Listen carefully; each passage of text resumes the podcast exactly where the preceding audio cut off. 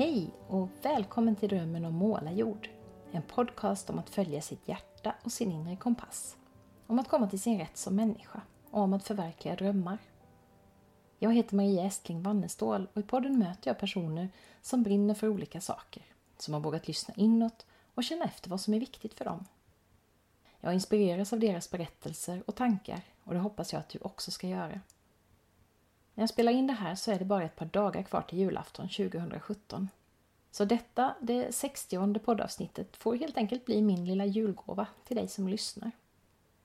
Efter inte mindre än fem manliga poddgäster och fler på gång bryter vi nu äntligen av med en kvinna. Det är lite märkligt att det har blivit så här eftersom jag tidigare har haft så väldigt många fler kvinnliga än manliga poddgäster. Men eftersom den här podden är helt ofinansierad och jag har den totala makten över såväl form som innehåll så kan jag också välja helt själv hur ofta jag vill lägga ut avsnitt, hur långa de ska vara och framförallt vilka gäster jag vill bjuda in. Och eftersom jag följer mitt hjärta så blir det helt enkelt de gäster som jag hittar och i den ordning det råkar bli, utan någon strategisk planering. Ändå tycker jag att just det här avsnittet passar så himla bra precis just nu, i juletid. Du ska få träffa Maja Öberg i ett samtal som handlar mycket om mindfulness, medveten närvaro. Om det är någon gång vi behöver bli extra påminda om det där med närvaro så är det väl just nu i juletid och framförallt före jul när väldigt många av oss springer runt som skollade råttor för att hinna få allt färdigt. Jag brukar sällan ha det så, inte sedan jag hoppade av från universitetet och slapp ifrån decembertentor och uppsatser. Men just den här julen, liksom den förra, påminde Facebook mig om häromdagen. Ja, då har jag jobbat mycket ända in i det sista. Maja är en av många människor jag har träffat som varit i närkontakt med den där väggen som jag bara nuddade vid med nästippen för många år sedan. Och den smällen har bidragit till att hon gjort en hel del förändringar i sitt liv, både professionellt och privat. Om Majas resa och hennes sätt att förhålla sig till livet ska du nu få höra i ett samtal där jag, upptäckte jag när jag klippte avsnittet, tar ovanligt mycket plats. Hoppas du inte kände dig alltför överkörd, Maja. Välkommen att lyssna.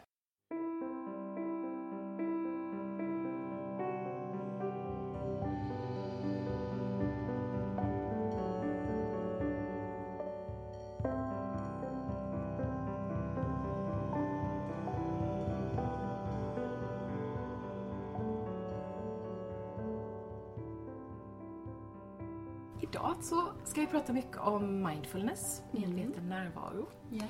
Som du ju jobbar med och använder mm. privat också. Mm. Men jag är först lite nyfiken på vem du är Maja, för jag har ju inte mm. träffat dig förut. Vill du berätta lite grann om vad du är för en filur? ja, gud det är en bred fråga. Vad ska jag säga? Jag är tvåbarnsmamma, egen företagare, eh, före detta eller lite fortfarande utbränd Ja, det är väl ungefär där jag är mm. nu. Mm. Det är så du tänker när du tänker på dig själv? Ja, det är det. Mm. Ja. Har du funderat mycket på vem du är och liksom vad, vad som är din kärna eller sådär? Ja, fast det är så flummig fråga till mig så att det blir liksom att jag är allt och jag är inget ja. och det blir sådär. Men mycket har jag funderat på vad jag vill egentligen ja. och mer åt det hållet. Ja, Eh, och det kom ju i samband med utmattningen mm. för då fanns det plötsligt utrymme för Just de det.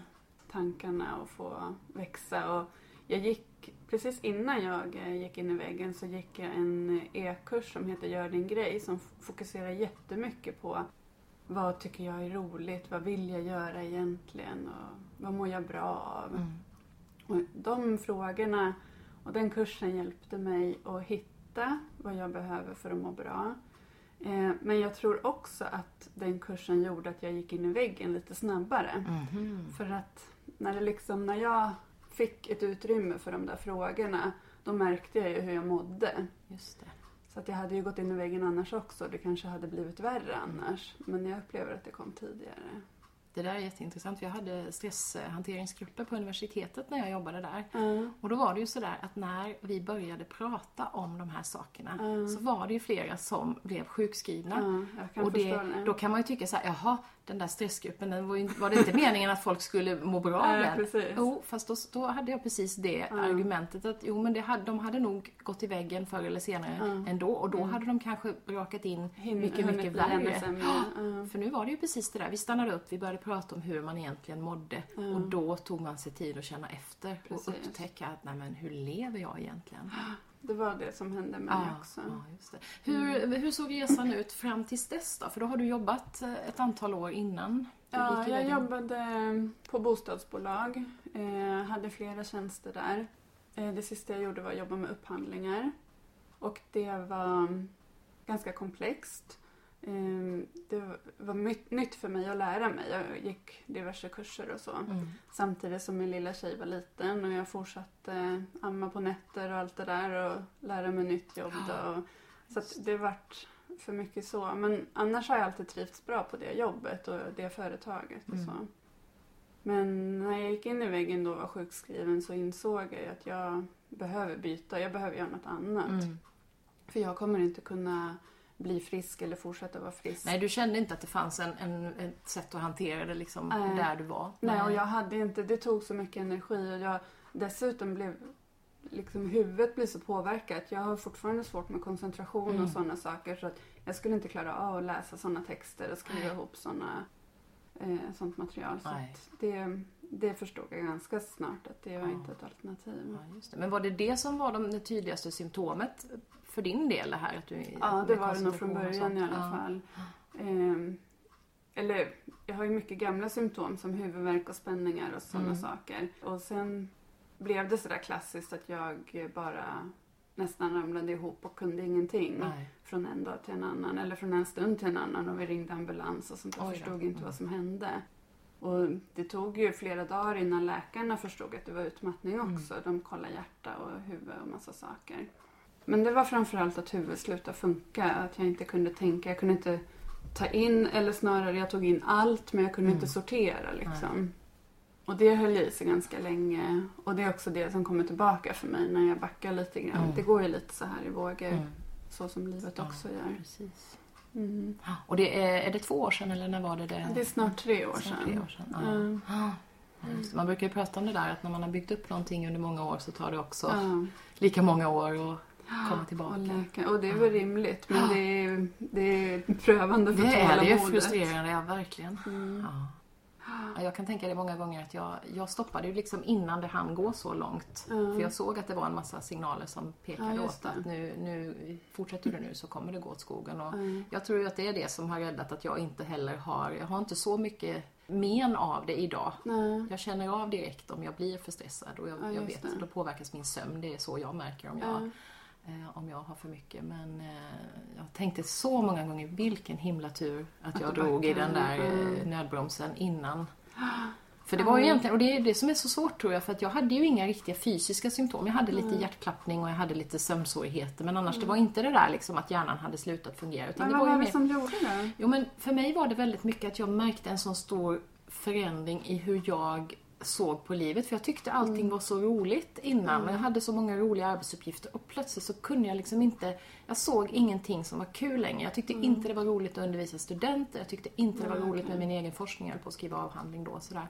Och allt det här hade jag tyckt varit kul. Mm. Just men det var liksom ingenting som var roligt. Och då var det så här, nej men nu är det något som är fel. Mm. Och sen svårt att koncentrera mig. Så det var ju liksom, men det var i princip bara mentala grejer. Mm. Och det tror jag, då tror jag det är mycket svårare att, det är ju en sak om man fysiskt liksom Känner. trillar ihop eller så, men, men när det är sådana grejer så är det svårare att um, sätta stopp. Och jag tror att många går med de känslorna Väldigt, långt innan länge, ja. och inte Mm. upptäcker nästan Nej. den där skillnaden mellan att Nej. det var roligt förut Nej, och inte kul. Mm. Så jag hade en väldigt bra personalkonsulent på Mm. stället där jag jobbade då som, som såg det där och som sa till mig att Nej men Maria, det är inte normalt att ha dåligt samvete för att du tittar på TV Nej. två timmar i veckan. Liksom. För det var ju lite på den nivån Mm. att varenda kväll så tyckte jag att jag skulle sitta och jobba Mm. när mina barn hade somnat. Mm. Eller mitt barn, jag hade nog bara ett då. Men det var, ja men det var eh, hon var sådär, hon, hon såg liksom igenom mig och, och kunde Mm. peka på det där som var åt skogen fel liksom. Mm. Ja, men det är ju fantastiskt. Det är ju det Ja. som arbetslivet behöver Ja, idag. verkligen. Så jag kände att jag fick ett väldigt bra stöd från arbetsplatsen och kunde komma tillbaka sen. Och, och, men det var nog just det att jag, jag stoppade liksom innan det hade gått för långt. Så. Mm. Ja. Men hur, hur tänk, om du tänker på det här med att, att eh, hitta sin kompass eller känna vem man är. Det, det, det, har, du, har du känt av det innan? Har du liksom, när du var yngre och valde mm. väg genom livet och så, fanns det någonting i dig som du lyssnade på? Eller tog det ända tills efter utmattningen tills du överhuvudtaget började lyssna på vad du vill? Eller hur, mm. vad tycker du? Det är nog lite både och. För jag har alltid valt jobb efter vad som har råkat stå framför dörren. Liksom. Ja, ja. Så det har jag nog aldrig varit aktiv i. Men jag har alltid haft en känsla av, på alla mina jobb har jag varit ganska driven och velat framåt ja. och vill någonting. Så jag har haft Just någon det. energi framåt hela tiden. Men inte riktigt vetat åt vilket håll. Nej. Men ändå lite grann har jag det. För jag har ju försökt att skriva barnböcker förut. Det har jag haft någon känsla av att det ska jag göra, det vill jag göra. Men jag har inte vetat om vad eller hur eller på vilket sätt. Men jag har ändå försökt. Och då, är det ändå, då har jag ju lyssnat på något sätt och mm. försökt lite grann. Det har funnits någon liten röst som har viskat lite. Ja, liksom framåt. Ja. Ja. Men först efter utmattningen så fanns det där utrymmet att grotta ner lite ja. mer i. Och verkligen på det stora hela. Vad vill jag? Vad behöver jag? Och så vidare. Mm. Och det kan jag väl kanske säga, det började nog lite grann när jag fick mitt första barn också. Mm. Att det började gro i bakhuvudet mer. För då blir saker och ting viktigare. Ja, det är klart. Det ställs lite mer på sin spets. Mm. Vem man är och vad man, ja, vad man vill med livet i allmänhet. Sådär. Ja. Mm. Och sen kan det ju vara sådär också när barnen blir större. Det kan ju också ibland skapa mer utrymme för. Mm. För det är ju ändå sådär under småbarnsåren så är man ju ändå mm. väldigt mycket förälder. Mm, det är väldigt och, mycket praktiskt att ja, hantera hela tiden. Och har man då jobb också så ska man hinna med det och man kanske mm. inte har så värst mycket Nej. tid över för sig själv egentligen. Så det är många som säger det att när barnen blir lite större, det är också då man, ja, men man börjar ifrågasätta relationen mm, och mm. var man bor och det är massa sådana där saker som man plötsligt börja fundera över. Man har inte hunnit. Man har, inte hunnit, man har bara liksom försökt mm. få ihop vardagen på något sätt. Mm. Ja. Och där kan man ju tänka då att mindfulness är ett väldigt bra sätt att ja. stanna upp. Skulle du mm. vilja, jag har ju också eh, jobbat ganska mycket med mindfulness och utbildat mm. mig och sådär, men skulle du kunna ta någon liten kort definition för de som lyssnar som kanske inte har så bra koll på vad är det egentligen? Vad handlar det om? Mm. Alla har nog någon slags uppfattning men jag tror det är få som vet. Ja, men precis. Och det är så svårt att ha en uppfattning om man inte har provat nej. det. Men det Vad är det för dig då? Men för mig är det, nej men, för mig är det att kunna se och njuta av livet. Det som, liksom nu när det pågår. Mm. Att det är precis idag som livet pågår och inte imorgon och sen. För när det kommer då är det också idag. Så mm. att, att, verkligen, och vi behöver träna upp oss i att vara närvarande. För vi är vi, vi blir liksom distraherade från media, jobbet, reklam, utomhus, eh, våra vänner och allting som vi tycker att vi borde och sådär. Mm. Vi har så många lager. Och vi blir bra på att skifta fokus. Så att för att klara av att vara närvarande så upplever jag att man behöver öva på det. Och det är precis det man gör när man övar mindfulness. När man mm. lyssnar på de här meditationerna och gör vardagsövningar och så. Mm. Det är liksom ett sätt att träna upp förmågan att kunna vara närvarande. Och, och det är då man öppnar upp, när man är närvarande, det är då man öppnar upp det här utrymmet och känna vad känner jag egentligen? Och vilka tankar är det som mal i mitt huvud? Mm. Och hur mår jag i kroppen egentligen? Hur känns det i fötterna när jag mår bra? Så kan jag känna när de inte är bra mm. eller vad det nu är. Just det, för det är det vi aldrig tar oss tid att egentligen känna efter när vi bara Nej. rusar på hela tiden är någon annanstans och Nej, bara precis. är i huvudet sådär. Ja. Uh, och eftersom vi har sånt tempo i våra liv hela tiden så är det ju återhämtning de flesta av oss faktiskt behöver mer mm. Och för mig är mindfulness också en viktig återhämtning. Ja. Någon, ett, ett utrymme där hjärnan faktiskt får vila mm. från alla intryck och bara ta in intryck från, från mig själv egentligen. Mm. Mm.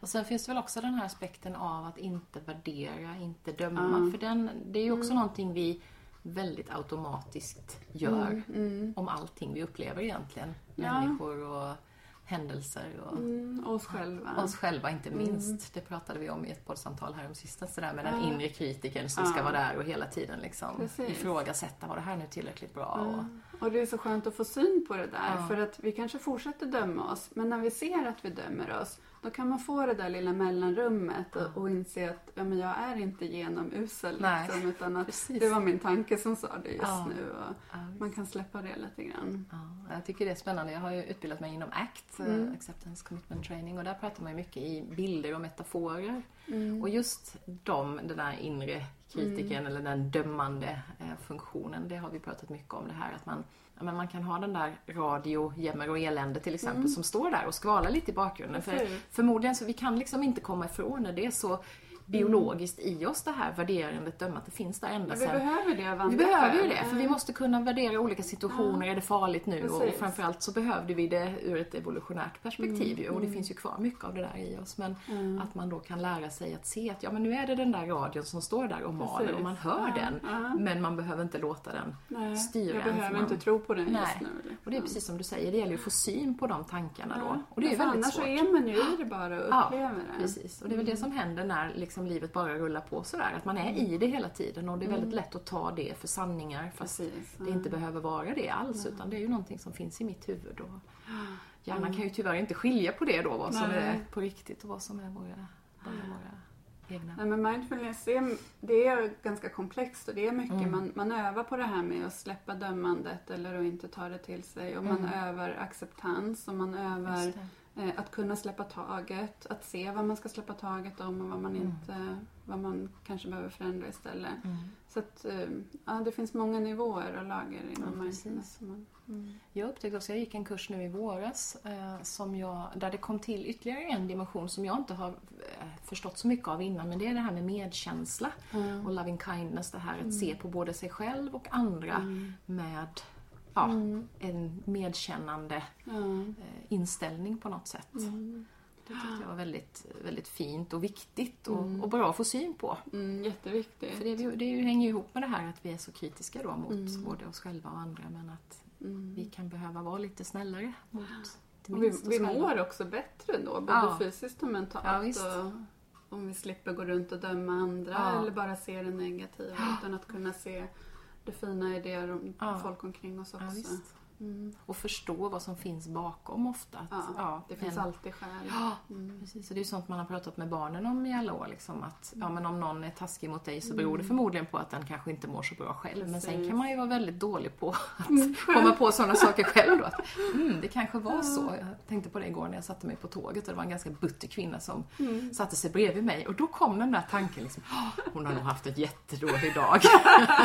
så jag ska bara låta henne få sitta här nu. Jag ska inte störa henne på något sätt sätt. Utan nej. Hon behöver nog få sitta här i lugn och ro nu.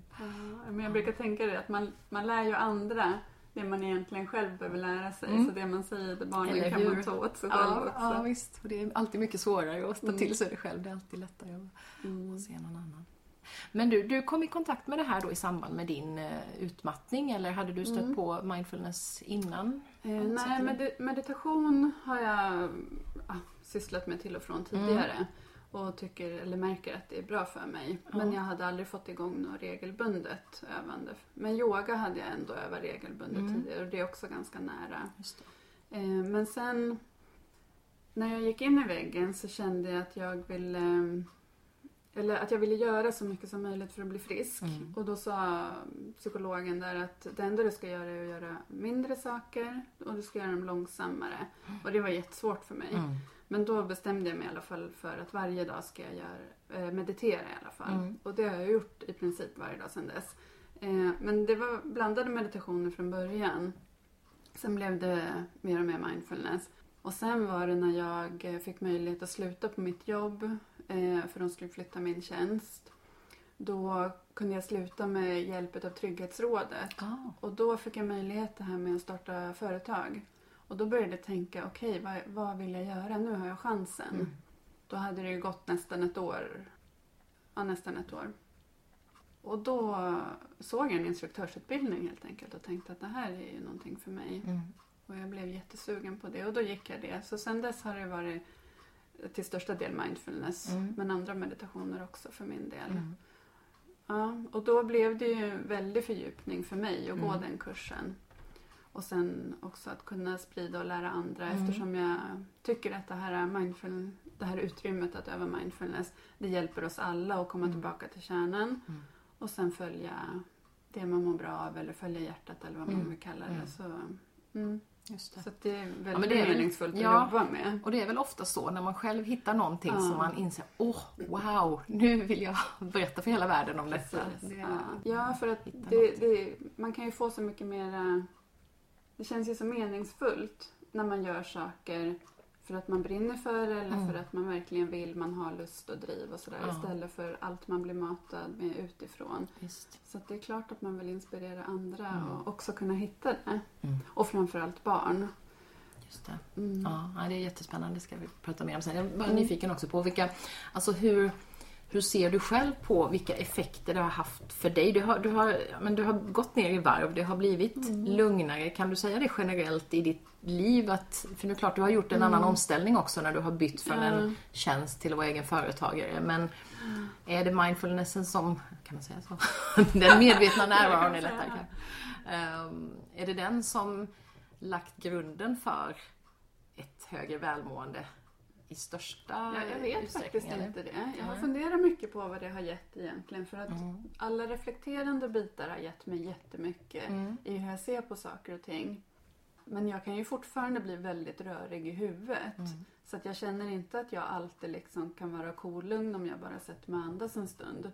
Utan, och, och jag, jag tror det liksom är sviterna från utmattningen. Och jag kanske hade varit sämre Mm. om jag inte hade övat mindfulness. Det är möjligt. Forskningen visar att det hjälper. Men jag vet ju inte hur, hur det hade varit för Nej. mig annars. Men jag har gjort så mycket annat också och yogat och varit mycket i naturen och sådär. Mm. Så det är svårt att Så det är väl en pusselbit i, i Ja. det stora hela. Och det är väl Det är väl det också att, för jag tänker att många Många får ju sådär rekommendationer, ja men börja med mindfulness nu så blir Ja. allting bra. Och jag Mm. lyssnade på något, var det inte något sommarprogram för några år sedan där det var någon psykolog som var så trött på att ja men Mm. det är hela tiden mindfulness, mindfulness, mindfulness som skrivs ut liksom som Precis. universalreceptet. Ja. Men det jag tänkte då, det var ju att ja, men det handlar ju egentligen om ett totalt förhållningssätt till livet. Ja. Det är inte bara det här att nu ska jag sitta här och titta på ett äpple i Nej. tio minuter liksom, Nej. utan jag tror ibland att man, man har, en, som du sa också, man har inte den fullständiga bilden av vad det handlar om.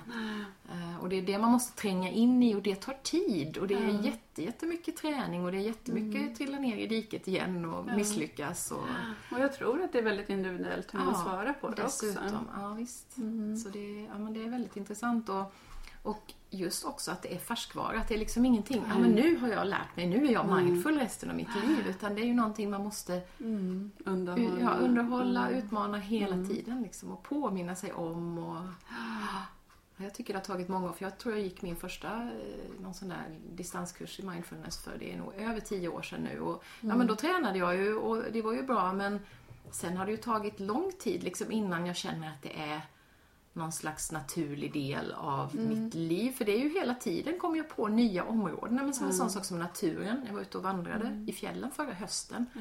Och där blev det så tydligt för mig Ja. hur otroligt närvarande jag var. För vi gick i tystnad. Jag hade Mm. inga intryck någonstans. Jag pratade inte med någon. Åh. Så det var ju som en retreat Ja, egentligen. det där längtar jag Ja visst, timme ut och timme in och ingen klocka, ingenting Mm. liksom som styrde, ingenting av det yttre. Mm. Och där kände jag att jag tog ett jättekliv plötsligt liksom efter att ha ja, men sådär försökt och lite här och lite där. Men Mm. då blev det plötsligt en helt annan inställning till att vara ute i naturen. Så efter det så bara, jag längtar bara ut och Ja. men jag går och lägger mig på marken liksom Ja, bara och tittar upp i, för det gjorde jag där. Mm. Men sådana grejer känner jag att det kan komma sådär liksom i sjok lite grann. Att, Ja, men eh, så kan det nog vara. Jag ja. tror de här retriterna som är lite längre under tystnad faktiskt är viktiga. Ja, Mm. just det. Men naturen har blivit jätteviktig för mig också. Jag går ofta ut och sätter mig bara vid ett träd. Mm, Det ger mig så oerhört mycket. just det. Mm. Pratar du med dem också eller? Ja, lite grann. Det är så roligt. Jag har Absolut. mött många på sistone som, som gör. Jag har inte riktigt försökt än men jag tänkte att jag ska göra det. Jag har mer legat på marken och tittat in. Men jag tror att man har lätt för olika saker. Ja. För att jag fattar inte det själv liksom i början sådär. Och jag kanske inte pratar jättemycket, det är med de som Ja. pratar med mig. Men medan andra kanske har lättare att, sitta hemma och få till sig saker. Ja, eller, ja. man har Ja, olika kanaler. Man har ju det. liksom. Ja, visst. Och det, är- det är det som är så spännande tycker jag, att utforska dem och se. Mm, mm. För jag har bott på landet, liksom, och växt upp på landet, bott på landet i, i jättemånga år. Men ändå inte lärt mig uppskatta naturen så mycket förrän nu, Nej. de sista åren egentligen, sen efter den vandringen. Och det, det kan jag tycka är lite sorgligt att jag har missat så mycket, Ja. för jag har gått i skogen men jag har liksom inte varit där På det riktigt. sättet. Nej. Och nu har jag varit ute och plockat svamp och jag har liksom Mm. varit nära Mm. på många sätt och, och bara längtar så fort det blir helg liksom, så vill jag Mm. ut, ut, ut så. Mm. Ja, det, ja, det, det tycker jag är kul det här med, du pratade om lager och skala och just det här Ja, man skalar av lager av sig själv Mm. också och liksom Ja. hittar in till någon slags kärna sådär. Det, Men det är härligt att du har det nu och att det inte Ja. kommer om tio år. ja, ja, eller 20 eller 30 eller när jag ligger på dödsbädden och ångrar varför var jag inte ute i naturen och levde med den mer. Mm. Och det är, så, det är häftigt att bo som, som jag bor också. Ja. För vi har ju så otroligt, du bor ju också liksom inte mitt i stan utan här finns ju Ja, naturen upp där har vi ju skogen, Ja. skidspår Ja, och stora områden och Mälaren. Då Och... blir det ju lättare att Ja. få, få det behovet Ja, tillgodosett också faktiskt. på något sätt. Det är mycket lättare. På nära håll. Ja. Mm. ja, men du utbildar dig. Du har gått dels en eh, instruktörsutbildning Mm. och sen har du gått påbyggnadsutbildningar också. Hur, vad tycker du? Vad har, de, vad har de gett dig? Har du känt att du har fått de där verktygen du behöver? Eller? Eh, Ja, det har jag. Och, sen är det ju att hålla grupper som lär mig Ja. mest skulle Ja. jag säga. Ja. Men den här kursen, vidareutbildningen för mindfulness i skolan, Ja, den var fantastiskt rolig och den var väldigt liksom fullspäckad. Det var inte så mindful kurs så. Ja, just det. Utan det var liksom mycket material, mycket bra övningar och mycket roliga sätt att jobba. Och just det här lekfulla, att få in det, det behöver inte vara så allvarligt. Nej, Och nej, det tycker jag är jätteroligt. ja, och det jobbar du med nu också i, Ja, i skola, jag. förskola? Ja, hur, hur går det till då? Det är jag jättenyfiken på. Hur jobbar man Eh, alltså främst jobbar jag med förskolor och då Mm. har det blivit via pedagogerna. Eh, för att det ska bli någon varaktig förändring i, Mm. i grupperna så behöver pedagogerna använda mindfulness. Ja, visst. Eh, så det har blivit via kurser på nätet Mm. mest. För de har så svårt att komma bort från barngrupp. För jag vill ju ha det här regelbundna, att man följs åt en tid. Och inte bara inspirationsföreläsningar eller att man kommer två, tre gånger. För då hinner man inte få in... För till att börja med behöver pedagogerna börja öva mindfulness så de får en För sin egen skull, ja, visst. Så de vet vad det är. Mm. Det är svårt att lära barnen någonting om man själv sitter och kollar på klockan Ja. under en övning och sådär. Precis. Så att då, då har det blivit kurser via nätet som har varit lite längre. Mm. Och då får de först lära sig mindfulness för egen del. Men jättemycket för barnen och hur det kopplas till läroplanen och vilka övningar som fungerar i olika åldrar. Mm. Sådär, ja. Så att så har det blivit mest faktiskt. Ja. Jag skulle ju vilja jobba mer ute i barngrupper men Mm. det är ju kanske inte Nej, ändamålsenligt men jag förstår ju det. Nej, det är klart att det, det, det är ju just det där att gå in och göra punktinsatser. Det kände jag ju också när jag var ute och föreläste för lärare och sådär. Att Ja. man skulle ju vilja vara mycket mer Ja. i verksamheten Mm. och se hur, hur det... Men, men man måste ju på något vis... Det är ju pedagogerna som ska Ja. driva det vidare så det är ju de Precis. som ändå är, är de viktigaste på det viset. Mm. Ja. Men, Men- Mind- Mindfulness Center som jag utbildar mig hos, de har tagit fram bra liksom, koncept och utbildningsplaner Ja. för om hela arbetslag vill lära sig. Och då är man ju ganska involverad. Just det. Eh, Jag har inte varit i något sånt uppdrag än, men det finns ute i Sverige, Mm. olika skolor. Och då, då blir det verkligen ordentligt för både lärarna och barnen Ja, och långsiktigt. Ja. Har du fått eh, responsen från lärarna när de har testat? Ja, och det är så fantastiskt att få höra. Dels att de uppskattar så mycket att det har blivit någonting för dem själva, för det är de ofta inte beredda på Nej. när de anmäler sig. Utan de, de tänker att det här behöver barnen. Men vilken skillnad det kan göra för dem. Mm. Både privat men också i deras förhållningssätt till jobbet och barnen och sådana saker. Men sen också förstås hur bra det fungerar med barnen. Att de blir lugna snabbare än vad de har väntat och så vidare. Mm. Att de, många barn frågar efter det, de vill ha det mera. De har så lätt att ta till sig det. Vi pratar om att skala av lager. Barnen har inte så många lager. Nej, just det. De är de- närmare sin kärna på något Ja. sätt. Ja, visst.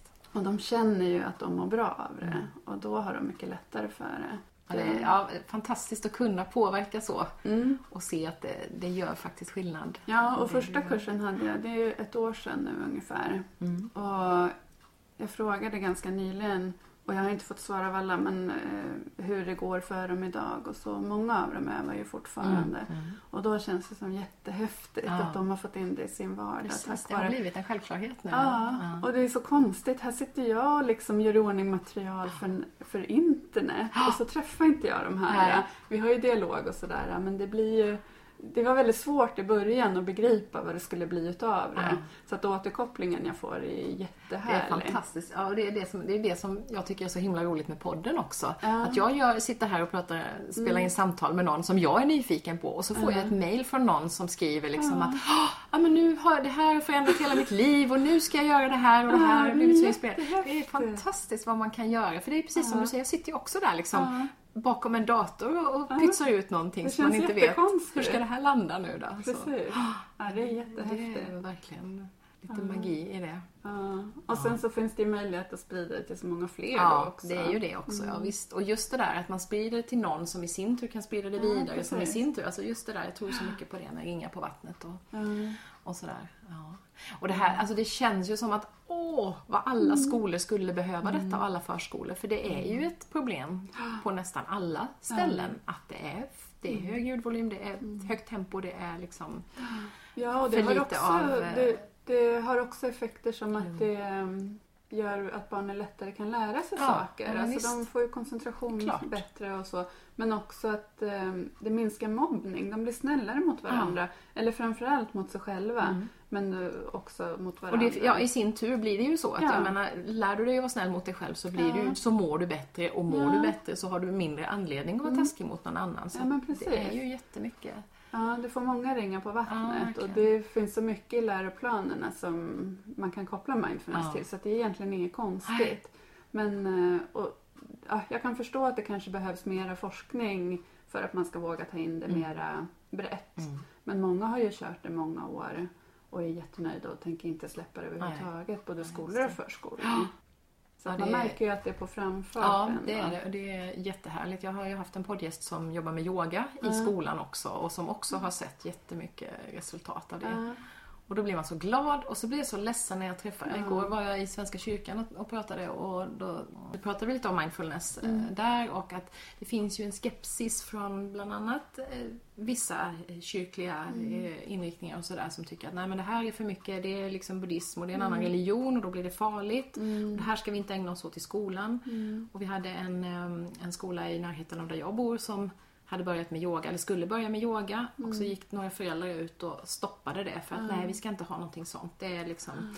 Och då är det så sorgligt för att den religiösa aspekten finns ju inte kvar i det. Det är ju någonting helt annat. Men man har ju renodlat mindfulness Ja. för att göra det lättillgängligt Ja, och visst. för att det ska gå att forska på det. Det ser likadant ut hela tiden och så. Precis. Och Skolverket har ju ändå varit tydliga med att det är okej. Ja, nej men det, det tar väl tid ibland innan Ja. För det ju, handlar mycket om rädslor för Ja. någonting som är okänt och ja, man vill värna sitt liksom. Men ja, jag hoppas verkligen att, att fler får möjlighet till det här. Men, men och så när du gör det via nätet så kan du också nå ut till hela Sverige. Du är ju inte begränsad till eh, Stockholm Nej, då. det var från Åland så har det Ja. varit deltagare Ja, också. Så det, ja. Jättekul. Mm. Ja men det är ju det med nätet. Det var ju också det. Jag har ju också gjort en kurs nu eh, om att följa sin kompass och den är ju också helt webbaserad just för att jag under universitetsåren såg nyttan av det där med att göra saker helt och hållet på nätet för att kunna, ja men man kan sitta i Korpilombolo eller i Lund liksom och alla kan ta till sig det och jobba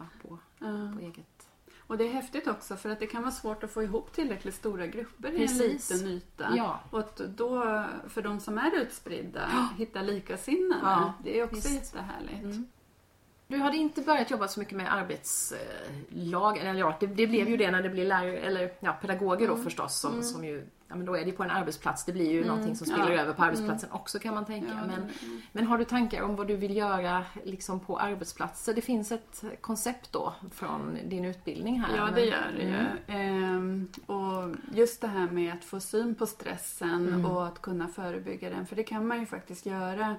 Ehm, mindfulness kan inte liksom lösa alla problem, men just det här att man kan få syn på vad är problemen, vad behöver vi lösa och inte och vad kan vi inte lösa? Mm. Precis. Och hur kan jag förhålla mig till det här då, som händer? Mm. Ja, så det, fin- det finns mycket att göra där Mm. också. Och där eh, med de nya arbetsmiljöreglerna också så sätter det ju högre krav på Ja, arbetsgivarna. Det gör du. Och mindfulness är ju en av de få sakerna som man ändå vet att det har effekt Mm. på just den psykosociala arbetsmiljön. Ja. Eh, så att eh, det, det kommer säkert komma in mer och mer Mm. också. Många stora arbetsgivare har ju Ja, det. just det. Mm. Ja, och det är ju det är ju också spännande tycker jag när man går in på en arbetsplats så och man kan ha det här perspektivet att det här är någonting som hjälper dig som privatperson Ja.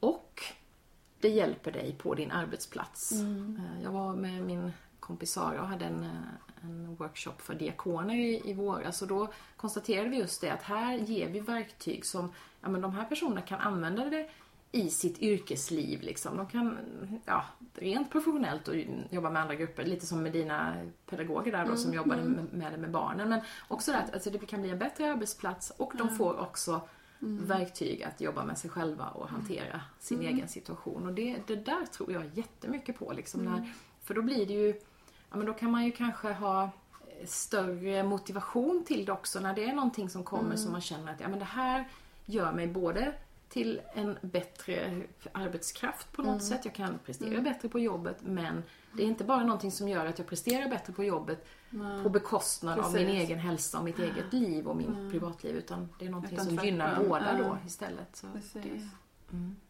Jo, för när man sitter och håller mindfulnesskurser på arbetsplatser blir det också tydligt att det går inte att separera Mm, det utan det hänger ihop hela Precis. tiden i. Det är samma människa som är hemma och som är på jobbet. Det är ju det och det är mycket det man pratar om när det gäller stressproblematik också. Att det är oftast inte bara arbetssituationen som skapar en utmattning utan det är ofta hela pusslet med familj och det kanske har varit händelser i privatlivet som har påverkat i kombination med Ja men precis, hög det går inte att, att dra den där skarpa Nej, gränsen. Nej visst. Nej, det minns jag så tydligt från när jag var och nosade på den där väggen då att man ju fick göra ett sånt där test och det var så många frågor just om ja, men stora livsförändringar. Jag, Sådana här saker som, har du gift dig?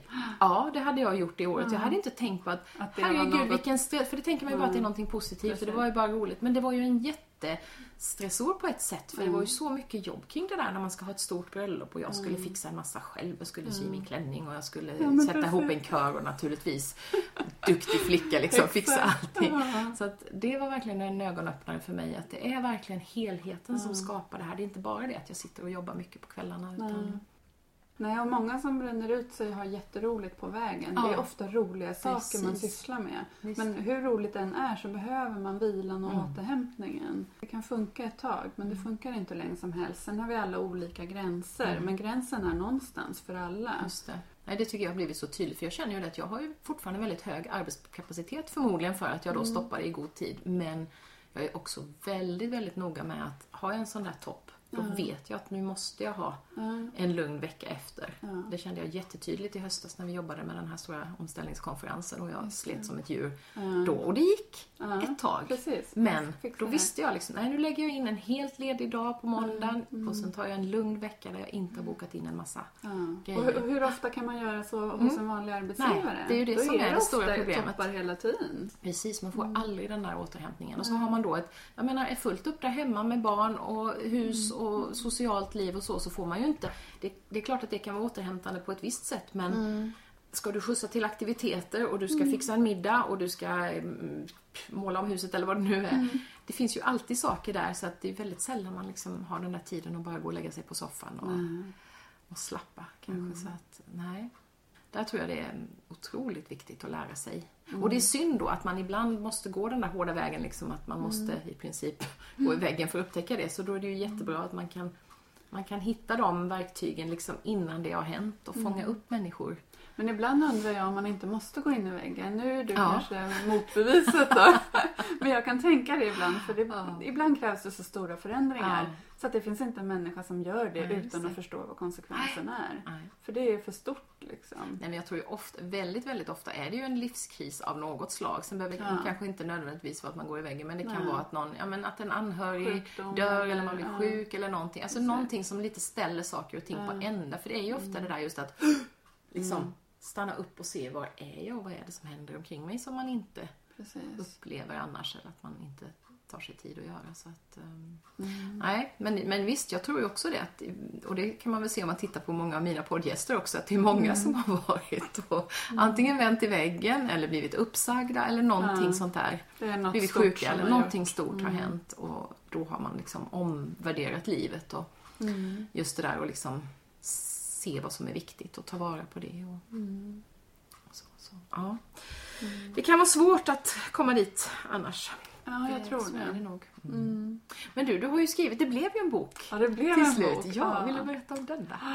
Eh, det var under jag gick, när jag gick den här instruktörsutbildningen. Mm. Och jag skrev lite före och lite efter och sådär. Men då var det att jag satte mig och skrev något som jag bara... Ja, jag brukar inte ha någon tanke på vad det ska bli liksom. Men jag skrev. Och så såg jag sen, ja men det här blir ju en bok, en mindfulnessbok för barn Mm. egentligen. Eh, små korta texter om eh, nuet. Typ så här, känner du ditt andetag och hör du fågeln? Och, ja, men lite sådär bara små blinkar om vad händer just nu. Ja. Och eh, då var det plötsligt tre förlag som nappade. Och innan hade inget förlag nappat Nej. på något av mina. Så det hände något inom mig. där, ja. Ja, jag skrev från en annan plats då. Ja. Eh, och det var förstås jätteroligt och det, det blev en process att få det att sjunka in. Först när jag fick lite positiva svar och sen när vi skrev kontrakt och när illustrationerna började bli klara. Det fick sjunka in långsamt Mm. att det ändå skulle bli verklighet. Så det känns jätteroligt. Så i maj eh, släpptes den boken då. Eh, och så har jag, då fick jag jätteenergi så sen dess har jag skrivit många manus. Ja, kul. Så vi får se om det blir Det några fler böcker Ja, det kommer de tror också jag. ha, men det kommer vara någon slags mindfulness-grund i det hela? Jag vet kanske, inte. Jag har skrivit en faktabok för äldre barn om Mm. mindfulness Mm. som är tänkt kanske för mellanstadiebarn som de kan ta till sig själva med inspelade övningar och sådär. Den är inte klar så men eh, hela ja, manusbiten är det klar men inte Mm. utformningen. Eh, men sen så i somras så hände det något annat för mig och jag dippade ganska ordentligt. Mm. Men då skrev jag en, en, bara en berättelse, en barnbok, en berättelse som jag är jätteförtjust i. Mm. Eh, men som inte riktigt, eller inte alls är klar Nej. liksom. Men den, den, Men den måste få grytorna här. komma ut känner Ja. jag. För den känns jätteviktig Ja. för mig. Så får man väl se vad det blir. Men Ja. ja, den var jättehärlig. Den var riktigt så här. Ja, den handlar om träd bland annat. Mm. Relation till träd, om döden och massa Mm. sådana där saker som, ja, som även barn Ja, men det är ju det. på. Det är ju så himla viktigt att våga skriva om Mm. också de Mm. där jobbiga, tunga temana, tänker jag. Ja. tycker jag upplever jag mycket på det förlaget som jag är med min barnbok. Att man har Mm. lyft upp många sådana, ja, men lite svårare teman kanske. Med död och Mm. sjukdom och Ja. funktionshinder. Och, ja, men nu senaste boken vi har skrivit handlar om klimatkris till exempel. Men nu måste man väl kunna Det prata ju med barn om. Det finns för ju dem. Ja. Visst. Och det blir en länk och någonting att, få, att hålla sig i när man samtalar om det här eller klurar på Mm. det. Och det behöver få ett språk Ja. och...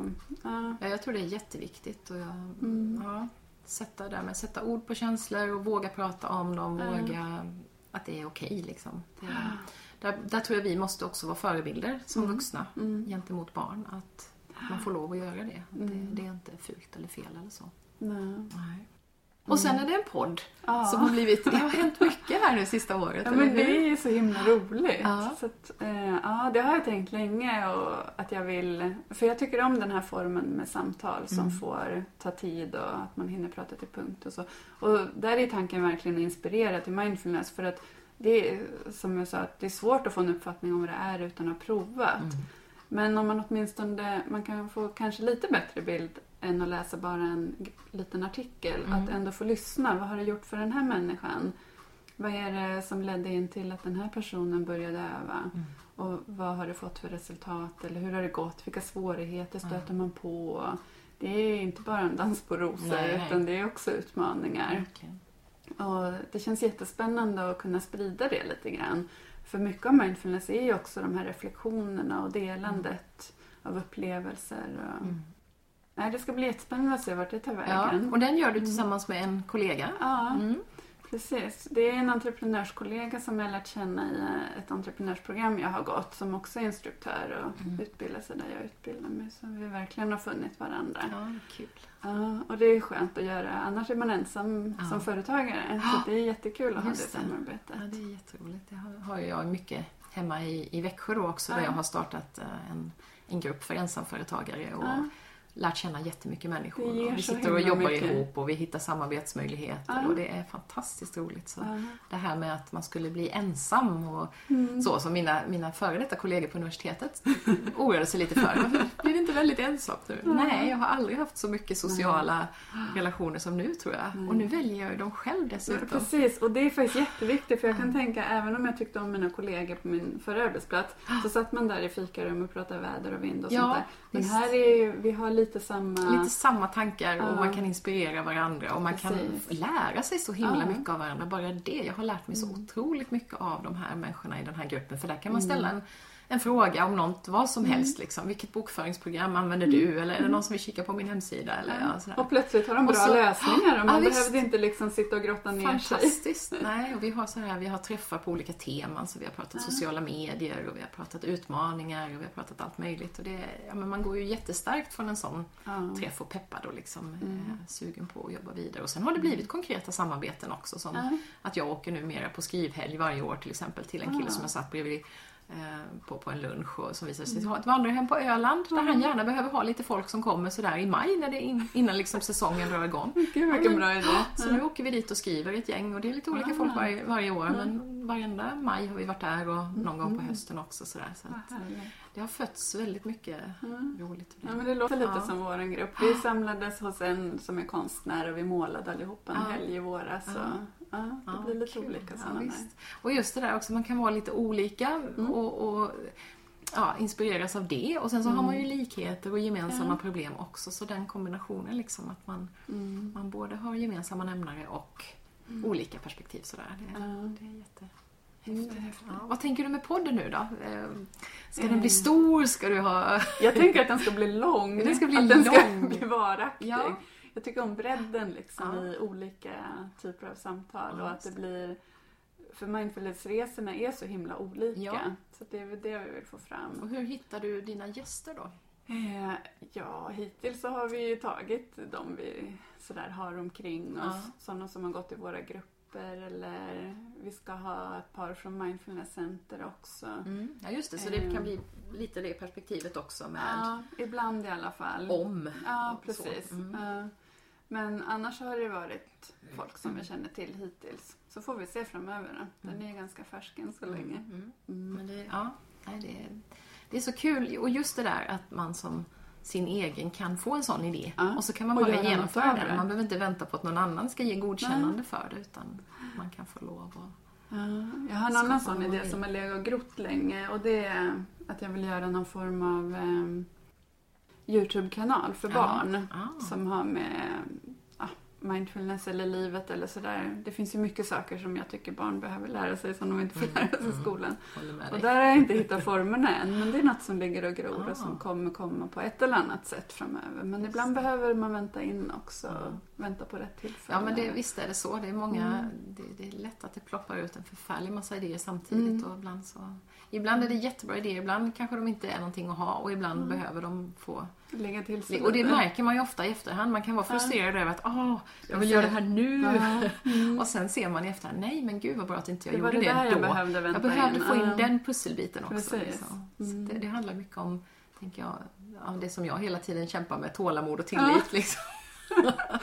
Ja, då är vi två. Ja, Mm. Det är nog ganska, Mm. ganska vanligt i när man jobbar med sådana här saker. Alltså Ja. just när man, ja, men lite grann när man har släppt det där Mm. vanliga och insett hur stor frihet man kan ha. Ja. Så vill man ju ofta också lite Mm. mer än vad som egentligen eh, finns utrymme för kanske. Då Ja, måste man ju träna på men dels Mm. att ha tålamod, att allt kan inte göras samtidigt. Dels att ha tillit till att det går faktiskt att göra någonting som man kan leva på också. För det är ju en, det är en viktig bit i det hela om Mm, man kastar loss sådär och startar eget. Att på något vis måste man få in Mm. någon slags inkomster också. Någonstans ifrån.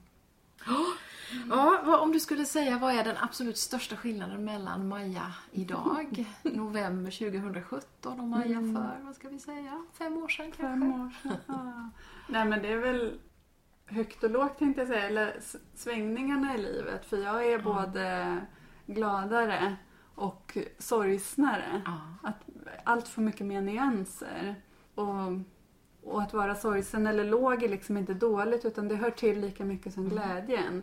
Jag var nog mera så här äh, på mitten bara. Jämn. Ja, förut. Eller kanske inte egentligen, men jag kände det så i, alla fall. Så att det är väl kanske... Mer plats för känslor av alla slag. Ja, precis. Ja. Och mer plats i livet. Att jag skapar det med familjen. Och, mm. eh, ja, men som vi byggde koja och målade igår efter skola och förskola. Jag skulle aldrig gjort något sånt för fem år sedan med ungarna. Men nu tycker jag att det finns utrymme och egentligen har vi inte mer tid nu än förut. Vi kom hem ganska sent igår. Mm.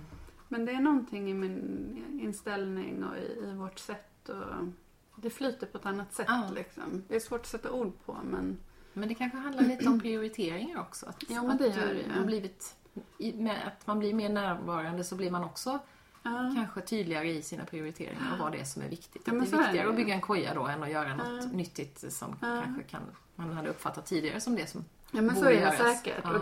vi har gjort förändringar, både jag och familjen, i små steg under lång tid. Så det sker ju inte över en natt. Nej, så att det, att det får ta tid. Och, men mycket har vi rensat bort, så är det ju faktiskt. Mm. Ja. Hur ser du på framtiden nu då? Du har ju massa spännande idéer på gång. Men framtiden, är, mitt hjärta är framförallt hos barnen och, och, jag ska föreläsa för ett gäng föräldrar snart om mindfulness i familjen och sånt där. Mm. Och det är ju också för barnen. Eh, men ett steg ifrån. Men jag vill inspirera barnen mer direkt också. Mm. Fortsätta med böcker. Eh, och eh, Ja, jag vet inte riktigt. Många ungar hänger på Youtube. Mm, det är väl kanske där man ska vara då? ja, ska... jag tror att man mm. behöver hitta former för att ja, kunna inspirera barn. Och det kan väl vara jättebra att, att få se någonting annat på Youtube. Ja, jag tänker att vi behöver lite mångfald där också. lite bredd. Ja, det behövs. Ja, och kul just mm. att kunna hitta kanaler att nå ut ja. eh, på olika sätt. Ja. För det tänker jag också, där har vi också en, en likhet. Att vi har någon slags kärna, mm. någon slags budskap och sen så söker vi olika former Ja, man får titta på det som finns och försöka. Ja. Det är svårt. Jag tycker inte om teknik. Jag tycker det är lite krångligt. Mm. Det hänger nog ihop med efter utmattningen. Före dess hade jag lättare för det. Men eh, man får ta hjälp med det man inte mm. kan och så får man traggla sig ja. ta hjälp av barnen kanske. Ja precis, det där mm. brukar de vara jätteduktiga så det, ja. det brukar vara ett säkert kort. Mm. Ja, mm. jättekul var det att få prata med dig Maja och mm. Eh, jag önskar dig så mycket lycka till nu Tack. med alla spännande saker. Jag ska följa det med intresse och. Eh, försöka få med det till mina egna barn också ja, såklart. Precis, ja, tack så jättemycket.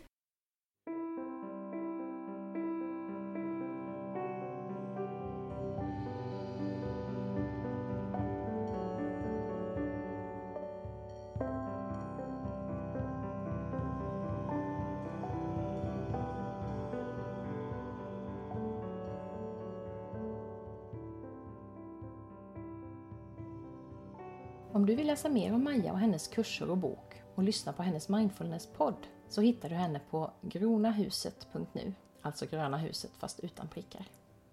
Ja, det fanns mycket i det Maja berättade om som jag också kan relatera till. En av de upplevelser vi delar och som vi pratade om i podden är det här magiska i att sitta och skapa någonting vid sin dator. Hon sina mindfulnesskurser, jag podden och min webbkurs. Och sen få höra om att det här gör skillnad och ibland ringa på vattnet i någon annans liv. Det är en riktigt häftig upplevelse. Jag kan förresten passa på att påminna om att jag ger rabatt på min kurs ända fram till och med julafton. Ifall du skulle vilja fixa en sista minuten-klapp till dig själv eller någon du tycker om. All information om kursen och hur du beställer den hittar du på deninrekompassen.se. Där kan du också läsa vad tidigare kursdeltagare har sagt. Just nu kan du dessutom provtitta på den första modulen, bara för att få lite tydligare uppfattning om hur kursen fungerar. Du får alltså tillgång till den här modulens inspirationsföreläsning, reflektionsfrågor och guidade meditation. I de övriga kursmodulerna får man också olika övningar att göra.